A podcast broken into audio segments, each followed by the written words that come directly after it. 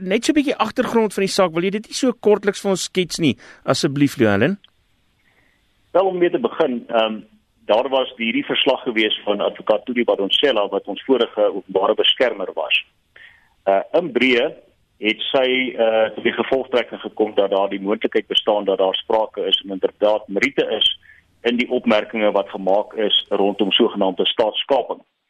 Dit beteken sy het uh voorgestel dat daar een of ander ondersoek van stapel gestuur moet word sodat daar gekyk kan word na die meriete van hierdie beweringe wat gemaak word. Een van die aanbevelings was gewees uit die aard van die saak dat 'n onpartydige onafhanklike kommissie van ondersoek van stapel gestuur moet word en aangestel moet word om natuurlik hierdie ondersoekwerk uh, te doen. Aangesien die staatspresident deel is van hierdie hele debat uh en die uh probleme wat uitgewys is in haar verslag, het sy dit dan goed gedink om terselfdertyd aan te beveel dat hierdie kommissie deur die hoofregter van Suid-Afrika, regter Mogoeng Mogoeng uh aangewys moet word. Nou tradisioneel en in terme van die bedeling tot op hede in ons land het dit so gewerk, naamlik dat die president uh as hoofuitvoerende beampte en gesag in Suid-Afrika die aanbeveling van 'n kommissie van ondersoek gewoonlik uh, uh maak en dat sy aanbeveling dan uh ook die aanstelling van die voorsitter daarstel en dat hulle dan 'n sekere uh, uh kom ons noem dit dan nou maar taak opgelê word om aan uitvoering te gee ooreenkomstig die riglyne wat hy stipuleer. Die probleem met die onderliggende geval is sou die staatspresident uh daardie mandaat van hom dan kan uitvoer en ons toelaat dit wat tradisioneel toegelaat is dan sit ons met die situasie dat ons 'n probleem het want die persoon wat gemeld word in die verslag uh dan natuurlik ook die prerogatief het om die parameters te stel vir die ondersoekwerk wat moet plaasvind rondom hierdie staatskap en van daar haar aanbevelings. Nou wat nou vandag gebeur in die hof is presies dit. Die president se regsverteenwoordigers voer aan dat daardie aanbeveling, daardie magte wat hulle by hom wil wegvat en in die hande van die hoofregter laat, uh ongrondwetlik na bewering is en daar word aange, uh, aangevoer dat hy geen probleem sal hê om sy werk te doen nie, dat hy geen probleem sal hê om 'n kommissie aan te stel nie, maar dat hy uiteindelik nog steeds die prerogatief het en die mandaat het van 'n grondwetlike perspektief om daardie aanstelling te maak en niemand anders te nie en dit is wat getoets word heidaglik in die hof. Maar Louwelen daar was nou voorheen al 'n hofuitspraak wat bepaal het dat die OB se aanbevelings bindend is op die uitvoerende gesag. Dis nou vanoggend deur Semenya uh, in sy argumente is teengestaan en gesê hy weet nie of dit so kan wees nie. Wat het van daardie hofuitspraak geword?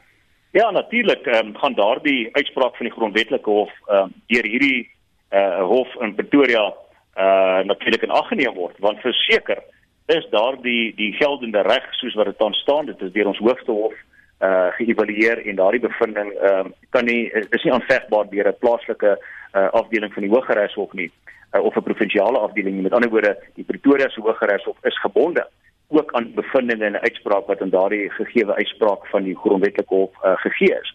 Maar daar's 'n bietjie van 'n uh, van 'n verskil tussen daardie saak uh, in vergelyking met hierdie saak. Uh, ek dink almal is dit eens dat die uitspraak van die grondwetlike hof dit klink klaar daar gestel het dat uh, daar uitvoering gegee moet word aan die aanbevelings van die van die openbare beskermer. President Zuma in sy argumente as ek dit reg verstaan, uh, ontken nie dit nie. Hy sê nie uh, ek gaan die uitvoering daarin gee nie. Hy inteendeel, hy sê ek wil uitvoering daarin gee, maar onderhewig aan die reëls wat normaalweg geld nie die reëls wat sy wil hê addisioneel opgelê moet word nie. Met ander woorde, daai prerogatief om die aanstelling te doen van die kommissie van van ondersoek is nog steeds myne as president en ek gaan nie dit toelaat dat dit ook nog by my weggevat moet word nie, want die grondwetlike hof het nooit ooit gesê in hulle uitspraak dat daardie prerogatief nie meer myne is nie. En ek dink dit is waaroor die hele debat gaan. Die grondwetkenner professor Peer de Vos het uh, in sy ontleding laat blyk dat uh, president Zuma redelike kans op sukses het. Ons wil die vraag ook aan jou stel. Wat dink jy is uh, president Zuma se kans op sukses? Wel ek dink op 'n baie op 'n op 'n baie streng interpretasie van die huidige uh, grondwet, uh, dink ek daar's meriete in sy opmerking. Ek stem saam uh, dat hy 'n moontlike punt het het om te sê maar waar in die reg vind jy dat dat daardie prerogatief my ontneem kan word ek is na alles nog steeds die president uh, en solank as ek die president is, het ek uitsluitlike bevoegdheid om daardie aanstelling en kommissie van ondersoek aan te stel en niemand anders te nie. Maar ek dink ook die reg is daarom nie so eng nie.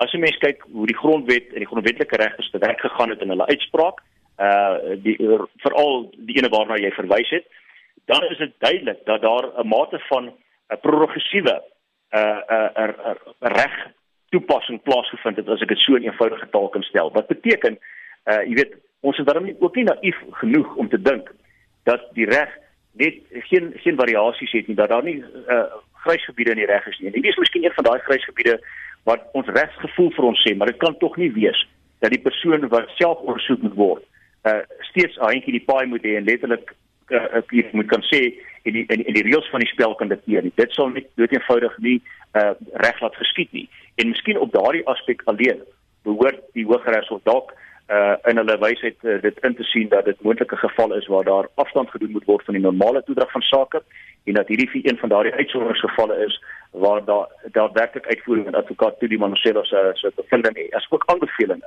as ook aanbevelings rondom wie die persone mag aanwys vir die kommissie uh, gegee word. Baie dankie het geluister daarna Dr. Luelen Kerloos hy's 'n regskenner.